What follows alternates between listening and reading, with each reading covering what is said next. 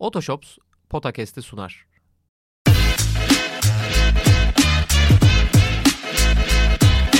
Potakast. Kaan Kural ve Orkun Çolakoğlu'yla NBA gündemine haftalık bir bakış.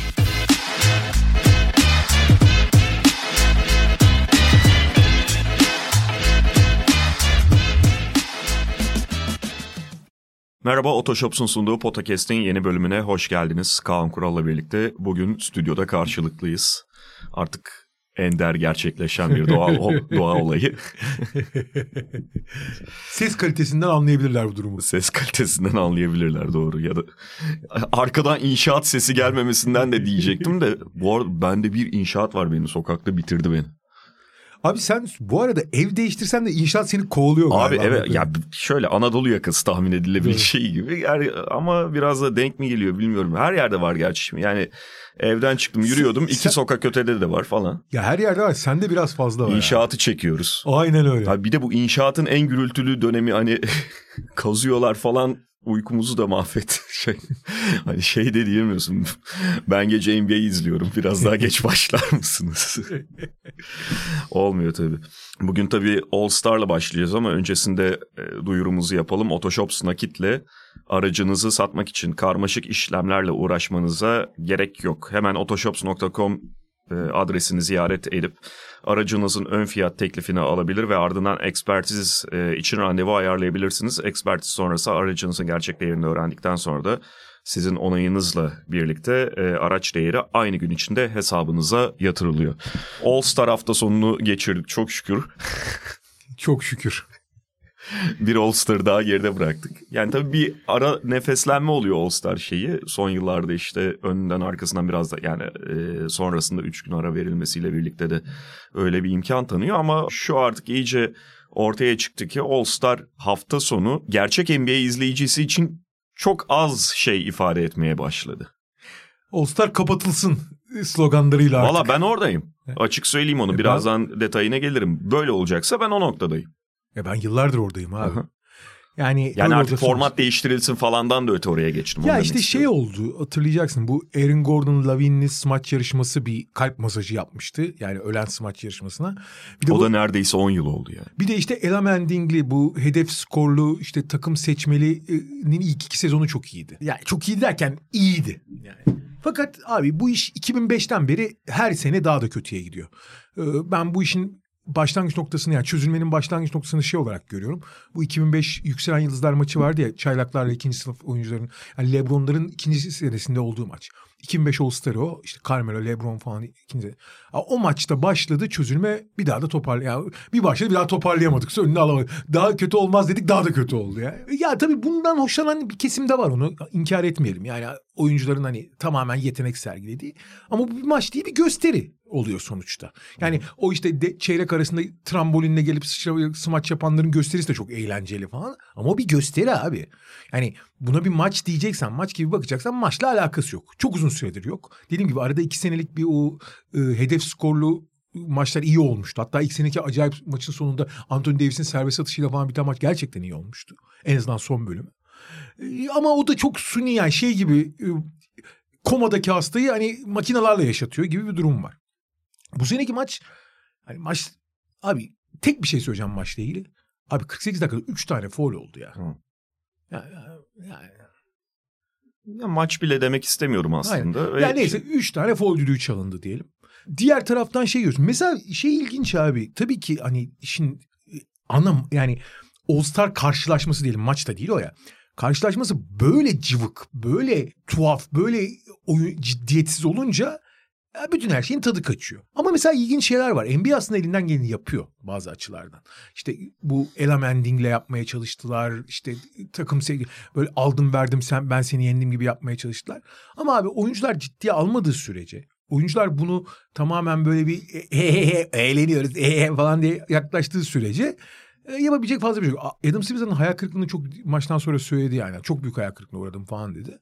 E, ama yapacak bir şey yok abi. Çünkü şu anki algı bu yönde. Yani kimse maçı ciddi bir maç gibi görmüyor. Böyle olduğu zaman da yani herkesi de sirayet ediyor. Bu genel bir algıyla alakalı. Eskiden hani her gelen başka türlü yaklaşıyordu. Bu şey gibi de abi işte kurumların ve yapıların ciddiyetleri vardır ya. Ne bileyim abi bir devlet kurumuna gittiğin zaman böyle bir otomatik bir ciddiyet gelir yani. Ne bileyim bir şeye gittiğin zaman işte komedi kulübüne gittiğin zaman öyle bir ciddiyet gelmez. Hani bir algıyla alakalı bu. Sendeki yarattığı refleksle alakalı. Mesela şeyi çok güzel yaptılar. Bence All Star maçını öyle de- değiştirebilirler. Bu Yükselen Yıldızlar organizasyonunu dörde bölüyorlar ya. Hı hı. Dört takıma bölüyorlar. Çok kısa maçlar işte bir çeyrek gibi bir maç oynatıp işte yarı final fin- yani dört takıma bölüp yarı final final oynatıyorlar. Mesela o çok daha e, maça benziyor yani. Çok iyi olduğunu iddia etmiyorum ama maça benziyor en azından. Belki onu deneyebilir ama deneye deneye nereye kadar abi algı buraya geldikten sonra pek bir şey düzeltemez. Tek iyi şey var iyiye giden. O da yani NBA'in de hani o konuda uzmanlaştığı şey 3 sayı. Abi 3 sayı yani her oyuncu artık işte uzunların 3 sayı atmasından falan bahsediyoruz. Ama abi e, NBA'deki 3 sayıcıların seviyesi falan acayip bir yere gelmiş durumda. Nitekim referans noktası yarısıdır biliyorsun. Hani hep konuşuruz işte 40 puan var 20 puan alan barajı geçmiş sayılır ve genelde 20 puan üstü genelde finale çıkar. Yani 21 aldığın zaman abi finale gidersin herhalde. Derler çünkü yarısı 20'nin üstüne kalır, yarısı 20'nin altına kalır. Abi bu sene ne yarı finalde ne, ne- yani ne ilk turda ne finalde toplam işte kaç 6 9 kişi ya- yarıştı. 9 yarışma oldu. Abi hiç kimse 20'nin altına inmedi. Hı hı. Herkes referans yani barajın üstüne çıkmış durumda. Bu da artık ne kadar çok sayıda ve kaliteli üçlükçü olduğunu gösteriyor. Orada standart yükseliyor. Ama bir de üç sayı yarışmasının bir anlamı var abi artık. Yani bir onun hatırına da Abi izlenmez yani. Burada ama esas kritik noktalardan biri işte maçı zaten öldürdük. Şeyi söyleyeyim. Abi 3 sayı yarışmasına 6 kişi katıl davet ediliyor değil mi? Bazen işte daha da fazla davet 8 de davet ediliyor falan. NBA'de en iyi üçlükçüleri davet ediyorlar genelde. Ve geliyor onlar da. Abi smaç yarışmasıyla ilgili şöyle bir sorun var.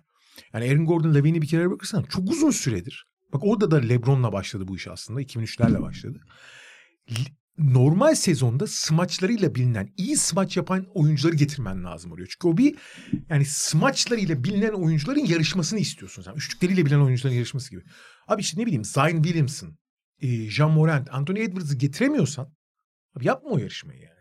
Hakikaten yapma yani. yapma ayrıca yani kusura bakmasın da iki sene üst üste McCollum olamaz abi şeyin. Tabii, tabii, tabii. Ya NBA oyuncusu değil abi McCollum. Ha, Aynen. Yani gerçek bir NBA oyuncusu olarak görmüyorum. Arada bir hani resmen şey smaç yarışmasıyla kendini lige sokan bir adam. Hani e, çabasına falan şey yapmayalım İşte abi saygısızlık Or- etmiş Orlando 10 olmayalım da. günlük kontrat verdi ya abi sırf yarışma için. Hadi yani değil ki abi o zaman hakikaten şey bu adamlar yarışacaksa dünya çapında gezen o e, şey smaççılar smaç göstericilerinden falan da çağırabilirsiniz. Bence Ka- çok bir farkı yok. Tabii Kaduniler falan da gelebilir. Öyle o hakikaten öyle olsun. Artı bu, yarışmadaki jüri de korkunçtu yani ona hiç girmek istemiyorum. Yani Jalen Brown'u finale götürmeye falan kalktı. Yuhalandı abi. Abi smaç yarışmasında adam yuhalanır mı?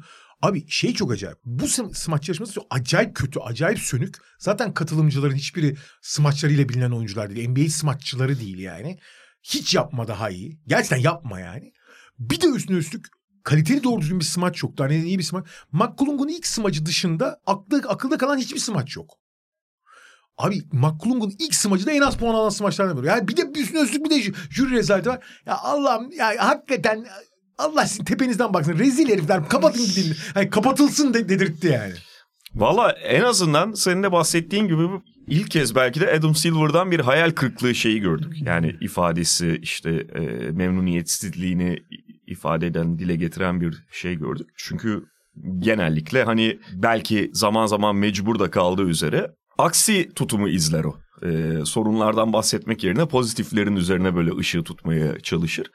Ha yani bu All Star'ın iptal edilmesi gibi bir reaksiyona yol açmayacaktır belki ama şey görüntüsü kötü gerçekten. Yani artık ben şey noktasında iyice bu iş tamamen ölmüş dedim. Doncic falan kendi sahasından salladığında. O, olacak iş değil. Yani hani eşik belki e, o değil ama onu da gördüğümde tamam dedim. O, o benim için tabut, tabutaya çakılan çok son çivi oldu. Bir de şey de bence kötü bir görüntü ortaya koyuyor NBA açısından. Yok Iguodala gitmiş, yok Larry Bird yalvarmış.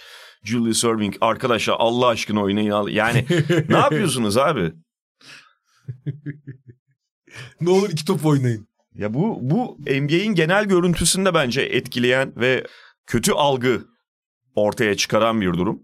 Bence de. E, mutlaka müdahale edilmeli. Dediğim gibi ben hani kaldırılması falan gibi bir reaksiyona yol açacağını düşünmüyorum. O NBA'den beklemediğim seviyede aşırı ol- olabilir.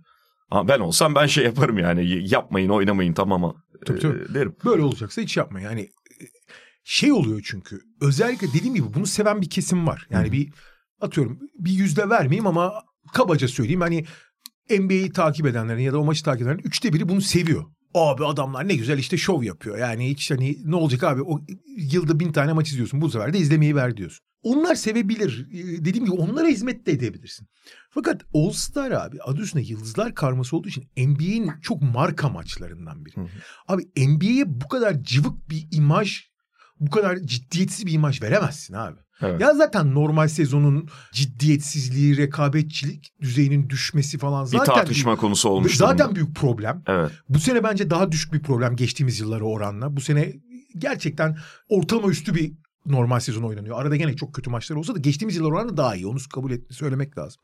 Ama zaten normal sezonun izlenme rakamları iyiden iyiye düşmüşken, normal sezonda kimse ciddiye almıyor algısı varken, abi bu marka maçın bu cıvık ötesi olması abi zaten bunlar rekabetçi olmak için değil şov yapmaya çıkmışlar oraya şeyini çok daha pekiştiriyorsun ve ciddi yani ligi ciddiye almaktan uzaklaşıyor insanlar doğal olarak. Aynen çünkü All Star özellikle hani biraz daha uzaktan takip eden izleyici için o e, işte casual fans falan e, kategori denen kategoriye dahil olan izleyicileri çekmek, onların ilgisini biraz toparlamak için önemli fırsat. Yani senelerce de böyle oldu, hep böyledir.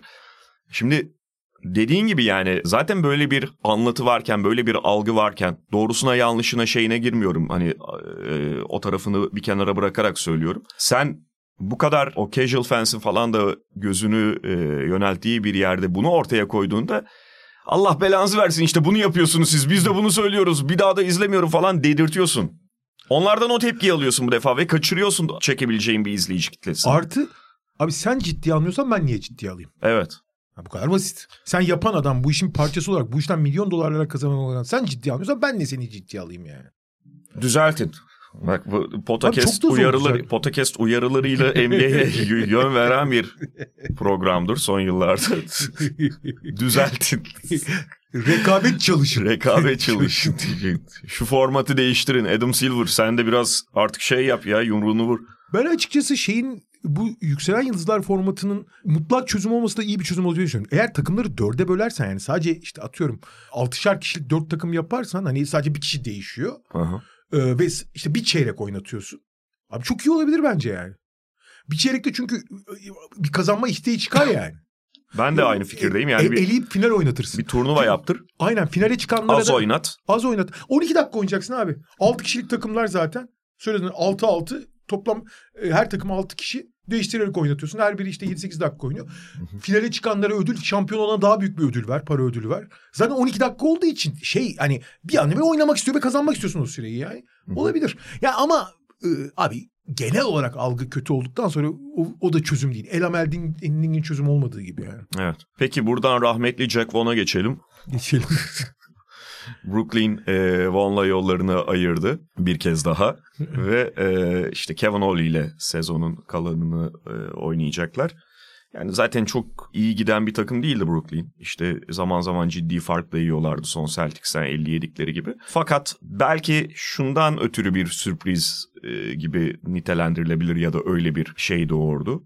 Reaksiyon doğurdu. Sonuçta Brooklyn evet çok iyi gitmiyordu ama zaten çok iyi gitmesi de beklenmeyen e, ortalama giden bir takımdı. Play, play'in iddialarını da tam kaybetmiş değiller. E, Diğer taraftan takımla Jack Vaughn arasında bir bağ kopmasının başladığı, belki hani tamamen kopukluğun ortaya çıktığı da izlenebiliyor. Ve sanki biraz da buna yönelik bir hareket, biraz da buna yönelik bir hamle gibi e, Nets yönetimi tarafından. Ya şimdi e, Brooklyn tabii çok tuhaf bir noktada. Bu sene kötü yani kadro özellikle Kyrie Irving'e Kevin Durant geçen sezon ortasında ayrılmaya karar verdiği zaman hani çok daha zayıf bir kadro haline geldi ve hedeflerini çok daha aşağı çekti. Fakat kendi draft hakları kendilerinde olmadığı için ilk, ilk James Harden takasında o draft hakları gittiği için yani kötü olmak ya da yani e, kendi draft hakları için alt sıralarda olmak, tanking yapmak bir mantığı da yok tanking yapmalarının. Hı hı. O yüzden hani olabilecek en iyi dereceyi yapmaya çalışacaklardı. Şimdi Brooklyn'in bu geldiği noktada Jack Vaughn'un da şu var, Jack Vaughn'un da sorumlu olduğu şeyler, Jack Vaughn'un sorumlu olmadığı şeyler de var. Birincisi bu takımın doğru düzgün top yönlendiricisi yok. Yani Spencer Dinwiddie'nin ikinci top yönlendirici olarak iyi olduğunu ya verimli olabileceğini ama birinci olarak felaket olduğunu biliyoruz zaten. Sezon başından beri. Hatta beklentilerin bile altındaydı. Yani e, benim beklentim düşüktü. Bazılarının beklentisi daha yüksek olabilir. Onun bile altında kaldı. Kötü, felaket bir sezon geçiriyordu. Abi onun dışında topla karar verebilen oyuncu sayısı o kadar az ki şimdi. Ben Simmons ortada yok. Yani bir var Ha. bir var. Onu saymıyoruz tam anlamıyla. Abi zaten o da o Bivara Bivo- e, yok olması daha büyük de problem. Onu düşünecek mi? Onunla oynayacak. Onunla oynadıkları maçları hiç fena oynamadılar. Evet arada. evet. Yani çünkü ana top yönlendirici olunca başka şeyler oluyor. Ama takımdaki başrol oyuncularına bakıyorsun. Büyük rol alan. Hiçbiri top yönlendirici değil. Michael Bridges'den başlamak üzere. İşte bu zaten baş başına organize olmayı çok zorlaştıran, devamlılığı çok zorlaştıran bir unsur. Yetmezmiş gibi takımın ana atıcısı da yok. Hı hı.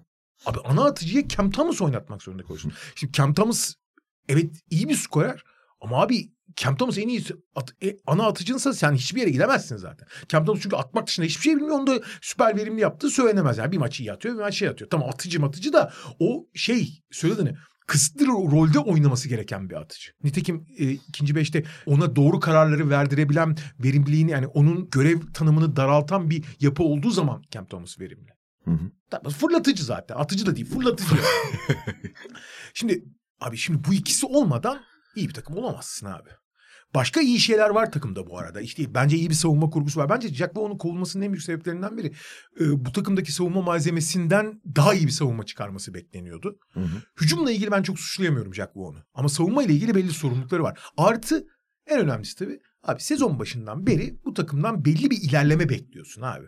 Onu gösteremedi Jack Vaughn ve o da Jack Vaughan'ın sorumluluklarıydı. Faturasının ona çıkması gereken tarafları. Ama hücum anlamında ben Jack Vaughan'a hiç e, fatura çıkaramıyorum şahsen. Ama benim okuduklarımdan yani oyuncu demeçlerinden anladığım oyuncular işte biraz o faturayı hücum tarafında da Jack Vaughn'a yöneltiyor gibi. Ee, Çünkü kendilerine kesemiyorlar abi faturayı. şey de var ama yani mesela Cam Thomas'ın bu kadar özgürlük sahibi olmasına falan bunlar tamamen benim satır altı okuduğum e, kendim çıkardığım şeyler ama biraz öyle algıladım. Cam Thomas'ın bu kadar özgür e, kılınmasına falan biraz tepki var gibi. Yani şey tarafından babalar tarafından işte Bridges olsun e, Dinwiddie olsun. Mesela Dinwiddie'nin de zaten sonra memnuniyetsizliği iyice ayyuka çıktı ama sezonun ilk bölümünde sezonun başında mesela takımın bir nevi sözcüsü olarak Dinwiddie gidip Kardeşim bak bu takımda Jack Vaughn'la konuşup ya bir hücum hiyerarşisi olması lazım falan diye konuşmuş. Herhalde ne bu ipini koparan atabiliyor demeye getirdi. Ee, Bridges'ın o konuda eleştirileri vardı falan. Hani oyuncularla koç arasında zaten böyle bir uzaklaşma olduğunda da faturanın koça çıkma ihtimali çok yükseliyor ve bir de şey de var demin dediğimiz gibi sonuçta play'inin belki uzağında değil ama o biraz da play'in çıtasının doğuda epey aşağıda kalmasından, sarkmış kalmasından kaynaklı bir durum. Yoksa sadece 21 galibiyet alabilen bir takım Brooklyn şu ana kadar. Abi zaten doğuda bakıyorsun Detroit, Washington, Charlotte şey ununu eledi eleğini astı. Bu arada Charlotte ilginç bir şekilde 3 maç üstte kazandı takaslardan sonra. Neden acaba? Abi takaslarda teknik olarak güç kaybettiler. Yani hani daha doğrusu daha kaliteli oyunculardan vazgeçip görece daha uzun vadeli parçalar aldılar.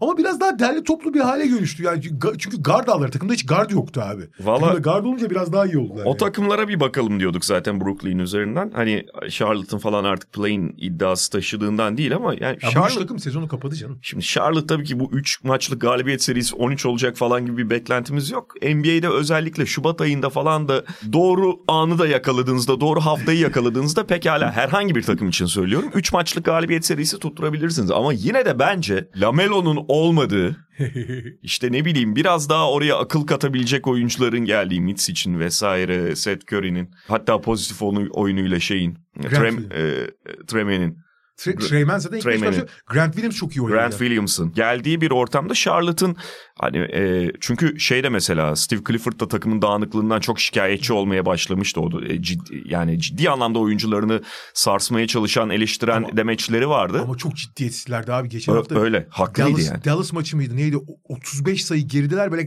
Steve Clifford teknik böyle hey hey diye gülüyorlardı arkadaşlar. Ya biraz oraya ciddiyet en- enjeksiyonu vurduğunda bu ortaya çıkabiliyor. Artı guard yoktu abi işte takımda. Yani Lamelo olduğunda bile guard yok. Lamelo yokken hiç guardları kalmamıştı. Treyman ve Vasile Mitsic gelince topu verebileceğim birileri oldu yani. Evet ki birazcık işte zaten hani böyle aklı başındalık getirebildiğinde takıma Miles Bridges'ın ya da işte Brandon Miller'ın katkısı da daha anlamlı hale geliyor.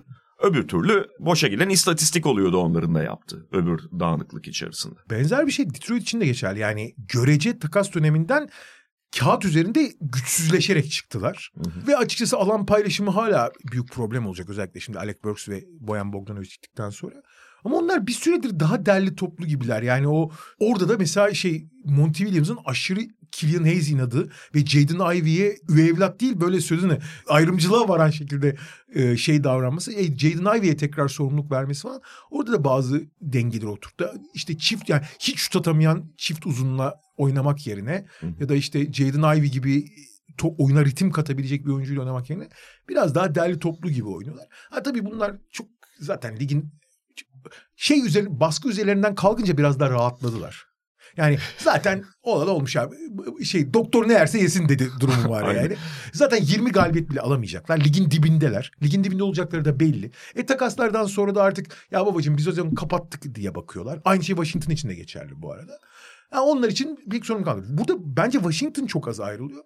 Abi Washington'da çok ciddi bir Jordan Poole problemi var. Yani bütün diğer problemlerden bağımsız olarak. Aha. Şimdi Daniel Gafford'da gittikten sonra zaten boyalı alan falan hak getire. Yani bundan sonra her maç 140 yerler yani. Hani boyalı alanın savunabilecek hiçbir şeyleri kalmadı çünkü parçaları. Ya savunma zaten iyi yaptıklarını kimse söylemez. Ligin en kötü savunmalarından biri. Artık Gafford en azından arkada kaleciydi. iki tane top çıkarıyordu yani o da kalmadı. Washington düzenli 140 yer bundan sonra.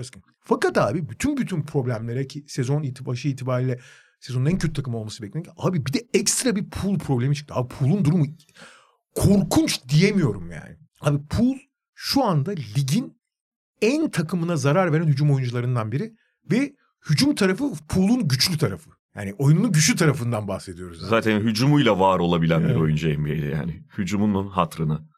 Abi inanılmaz gerçekten yani şu anki hali. Yani şu anda çoğu maçta sonucu en çok etki eden oyuncusu oluyor ama kendi takımı lehine değil. İnanılır gibi değil. Yani. Ki Washington'ı yani olumsuz daha olumsuza götürmek de kolay bir şey kolay değil. değil. Evet abi evet abi. Detroit'te de beni şey güldürüyor yalnız. Monty Williams'ın hani geçen hafta konuşurken yaptığım bir benzetme vardı. Böyle ders çalışmayan çocuğun bilgisayarını kaldırır gibi. Ulan zorla bunu oynatacaksın diye diğerlerini aldılar eline. Atam gitti gelenlerde Evan Fournier'i oynatmaya başladı yani. Monty Williams'a da başka bir... ya o biraz şey için hani onu bir tık anlayabiliyorum abi. Spacing hiç yapılamıyor çünkü. Tamam yani. ben de yani şey de komik geliyor yine doğru, de Çünkü Evan Fournier de hani... Abi şöyle. Ev, el, Evan el, Fournier bir NBA cesedi. Abi şöyle. Az değerli, az yetenekli Fransız oyuncu vermeyeceksin abi. abi bütün az yetenekli Fransızları oynatmaya kafayı onda, takmış durumda yani. Onda da bir Fransız hastalığı var. Ee, burada şeyin durumu ilginç abi. Bütün bunların arasında. Toronto'nun. Yani evet. Toronto biraz o yarıştan koptu gibi sen Brooklyn örneğinden verdin. Yani sonuçta Atlanta falan da çok tökezliyor. Yani hala bir play'in ihtimali var ama Atlanta'nın yani şu anda işte Atlanta ve Chicago play'inin son basamakları bu takımlardan daha iyiler. Orası kesin. Yani onlar bir sorun yaşamadan bence artık play'in yarışı bitmiş durumda doğuda. Atlanta ve Chicago'nun herhangi bir problem, ekstra problem yaşamadığı senaryodan bahsediyoruz. Hı hı. O yüzden bence normal yarışta, play'in yarışı bitti. Burada Toronto'nun durumu şu açıdan ilginç.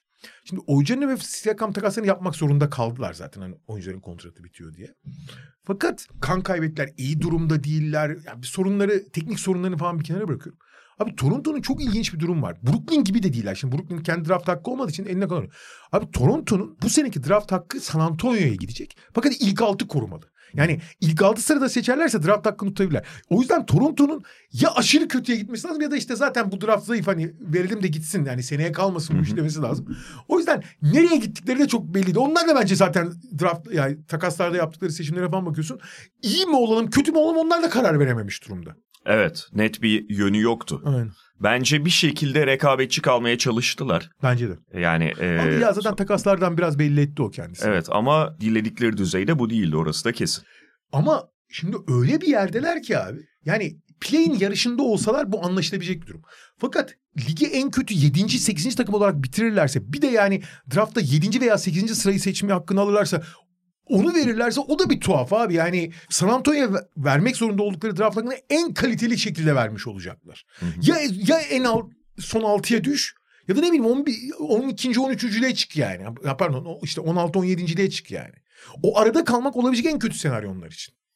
Batı tarafına geçtiğimizde de yani tabii bütün bu konuştuğumuz doğudaki takımlara kıyasla Utah çok daha iyi bir takım ve daha zaten galibiyet oranı falan da yukarıda bir takım ama mesela her ne kadar sadece iki buçuk maç Golden State'in 10. sıranın gerisinde olsalar da onların da geçen sezona da benzer şekilde bundan sonra yarışı sürdürmeleri çok kolay gözükmüyor. Artı Golden State ile Lakers son 7 maçın ikisi de 7 maçın altısını kazandılar. Evet. Çok daha iyi gözüküyorlar. Ki bunlar 9-10 yani hani Aynen. onlar için bile Golden State ve Lakers için bile daha yukarıya çıkmak işte e, yukarıyı tırmanmayı hedeflemek o kadar kolay değilken ya da hedeflemek e, bir kenara gerçekleştirmek o kadar kolay değilken Utah Jazz kadrosu itibariyle biraz daha geride olması itibariyle zaten yavaş yavaş sanki o yarışta geriye düşer ve kopar gibi geliyor.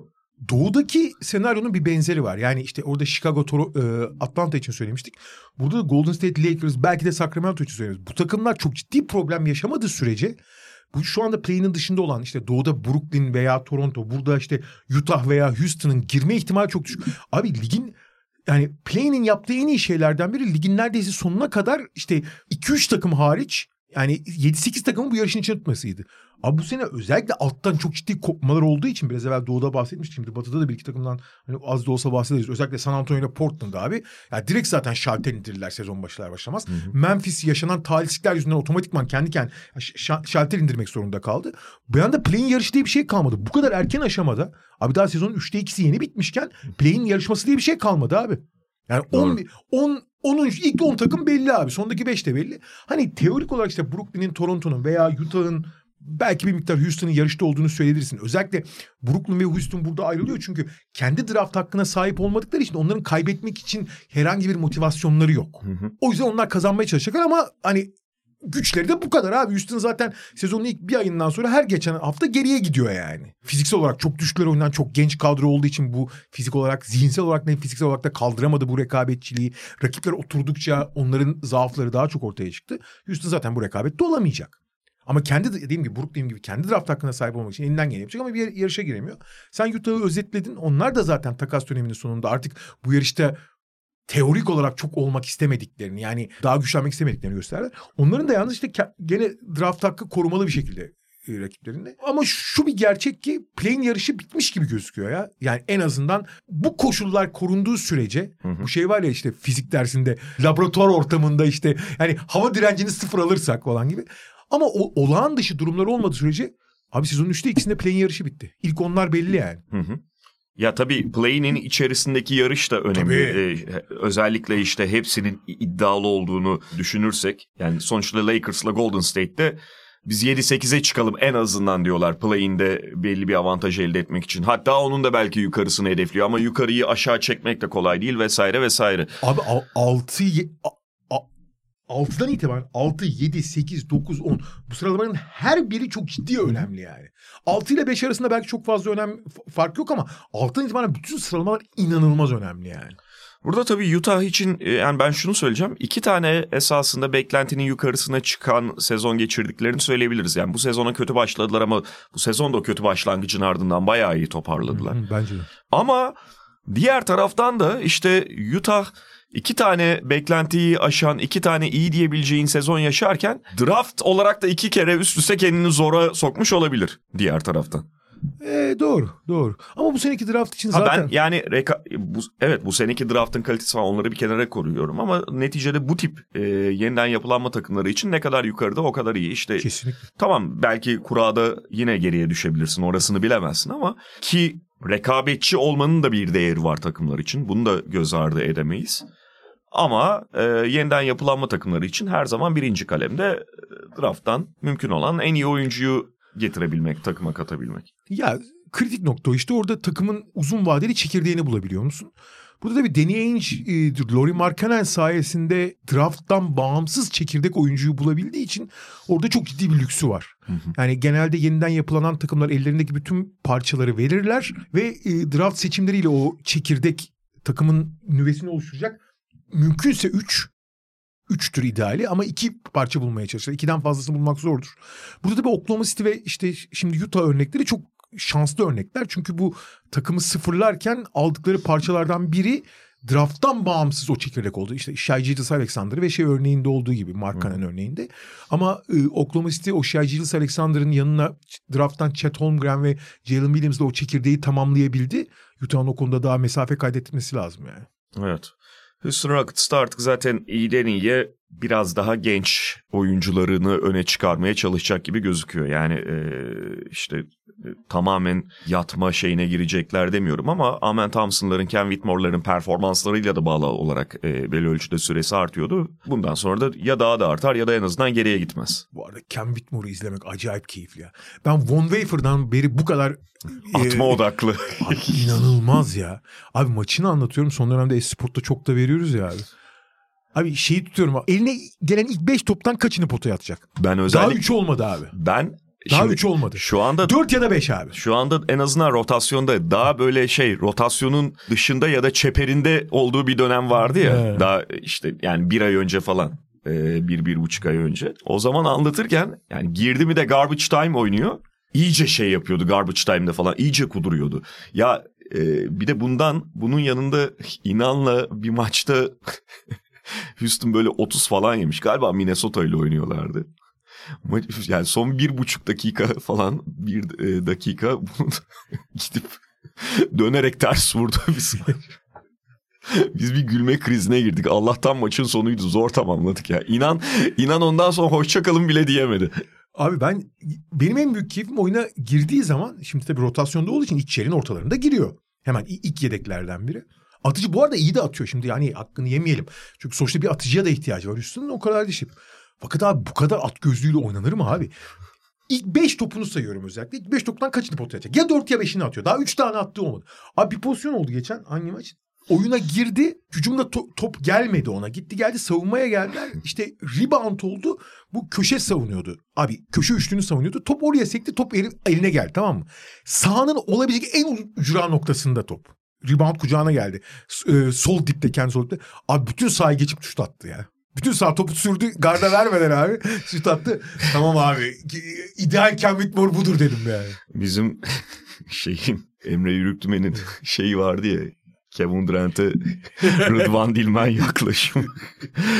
bir an onu aradım da bulamadım. Şey gibi bir an Whitmore'u sen konuşurken aklıma o ya. Atıyor mu atıyor. Basıyor mu basıyor. en son şey diyor. Bencil mi değil ama bu bencil. Çok acayip. Tweet'i bulamadım maalesef. Ama çok acayip. Yani ya, tamam çok atma odaklı çok şey ne bileyim kendi gösterme odaklı. İşte Cam Thomas örneğini verdik yani hani çok atma ama bu başka bir şey. Ben Von Wafer'dan beri böylesini görmedim ya. Von Wafer çok özel bir standarttır. Hatta e, Kobe'ye bakıp Ko- Kobe'ye bakıp abi söyle adını. E, Kobe, Ko- Kobe topu istediği zaman çekil çekil ben birebir oynayacağım demişliği var yani. O seviye bir şuursuz. yani şu anda görüntülü değiliz de izle, e, dinleyicilerimizin hayal etmesi istemiyorum. Kobe top istiyor. İstiyor musun? Gel al diye at. yani Kobe'ye atar yapabilecek kadar, Kobe'den daha iyi attığını düşünebilecek kadar bir şuursuzdu. Ken Whitmore'da yani tamam bir Von Wafer seviyesine çıkmadı ama son dönemde yüksek bir referans noktası oldu ya. Peki istersen son olarak şeyi konuşalım. Ee, Mike Conley kontratını. Ya şey... e, Ya iki senelik bir uzatma. Uzatma ben biraz şaşırdım bu uzatmaya. Tabii ki yani Minnesota'nın Mike Conley'i tutmak istemesinde hiçbir sakınca yok. Tamam Mike Conley çok yaşlanmış olabilir. Artık e, süreleri azaldı. Fakat Mike Conley bu sene hala ilk beşin bir parçası. Hani iki sene daha en azından yedek gard olarak oynayabilecek fiziksel durumda. Abi mid-level'ın altına imzaladılar. Yani Mike Conley ucuza kaldı orada. Ya 2 yıl 21 milyon dolar Matt- Mike Conley piyasaya çıksa şu anda en azından mid-level alır. Mid-level'ında 13,5 falan olacağı tahmin ediyor. Hani 2 yıl 30 milyon dolar falan alabilirdi Mike Conley. Herhangi başka bir yerden. Bu demek ki mutlu, memnun. Zaten Mike Conley çok biliyorsun şeydir. Hani kariyeri boyunca iyi para kazanmış olmasını bırak. e, Çok sadık da bir isimdir. Öyle hani bırakıp gitmez çok fazla. Ama onu bu saatten sonra bir daha yer değiştirmekle falan zaten ilgilenmiyor Zaten muhtemelen. bu takımın ona çok ihtiyacı var. Yani Mike Conley e, yetenekleri itibariyle her ne kadar dediğim gibi çok yaşı ilerle ben çok severim biliyorsun yani ne kadar çok severim. En sevdiğim oyuncu NBA'de. Ama yani şu an yetenekleriyle verebileceği katkı sınırlanmış olsa da her takıma verebileceği en azından sınırlı sürede verebileceği bir şey hala var. Hı hı. Fakat diğer her takımdan daha fazla e, Minnesota'nın ona ihtiyacı var. Tabii. Çünkü Minnesota abi çok fazla şuursuz zıp çıktıdan kurulu. Onlara hem e, soyunma odasında hem saha içinde abilik yol gösterecek bir isim olarak yani gerçekten diğer takımlardan çok çok daha değerli Mike Conley Minnesota için yani. Öyle öyle ki bu sadece hani soyut bir değer olarak işte mental yönlendiricilik falan olarak da kalmıyor. Hala sahada da çok şey verebildiğini görüyoruz. Sahada Playoff vakti biraz daha net görülecek. sahada o yani çok çabuk dağılmaya ve abuk subuk şeyler yapmaya yatkın oyuncuları rayda tutmak anlamında çok önemli o. Yani doğru zamanda doğru yerde top vermek, doğru yere gitmelerini sağlamak açısından çok çok çok önemli. Teknik anlamda çok önemli Mike Conley'nin varlığı yani. Evet yani kendisi de dediğin gibi belki pazarda biraz daha yükseğini alabilirdi ama o benim için çok önemli bir artış değil ya da e, artık onu, bu noktada ona ihtiyacım yok diye düşündü.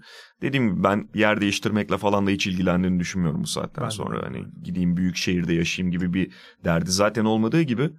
Ben mutluyum. Burada seviliyorum. Ben burayı seviyorum. İyi bir takımdayım diye bakıyor. Ee, o, o yüzden de hiç hani uzatmayalım diye düşünmüştür Mike Conley. Tabii e, Minnesota'nın çok ciddi bir mali çıkmazda olduğunu söylemek lazım. Yani o yüzden Mike Conley'e daha iyi bir kontrat da isteseler de veremezlerdi zaten. Ki bu da büyük vergi problemleri yol açacak gelecek seneki. işte Anthony Edwards maksimum aldığı zaman. Çünkü Anthony Edwards, Gobert, e, Carl Anthony Towns dediğin zaman sana ver, şeyi geçtin. Jaden McDaniels'da uzatıldı kontratı. Zaten şeyi geçtin. Lüks vergisini geçtin. Mike Conley ama dediğim gibi onun için çok önemliydi ve çok... Bu arada abi standartlar nereye geldi? Yılda 10 milyon dolar. Evet. Abi kelepir falan kabul ediliyor artık. Oğlum mid level 13 milyon dolara gelmiş be abi. Çok acayip ya. Mbappe de 15'e imzalıyormuş. Bu arada gelecek sene işte yeni televizyon sözleşmesiyle mid level'ın herhalde 17-18 falan olması bekleniyor yani. Oralara gidecek. Yani tabii bunun, onun içinde vergisi var falan. Hani Mbappe de bu arada imza parasıyla birlikte 15'e yıllık imzalayacak diyorlar da o imza parası da dev bir şey. Olsun ama sonuçta kağıt şeyde öyle gözükecek.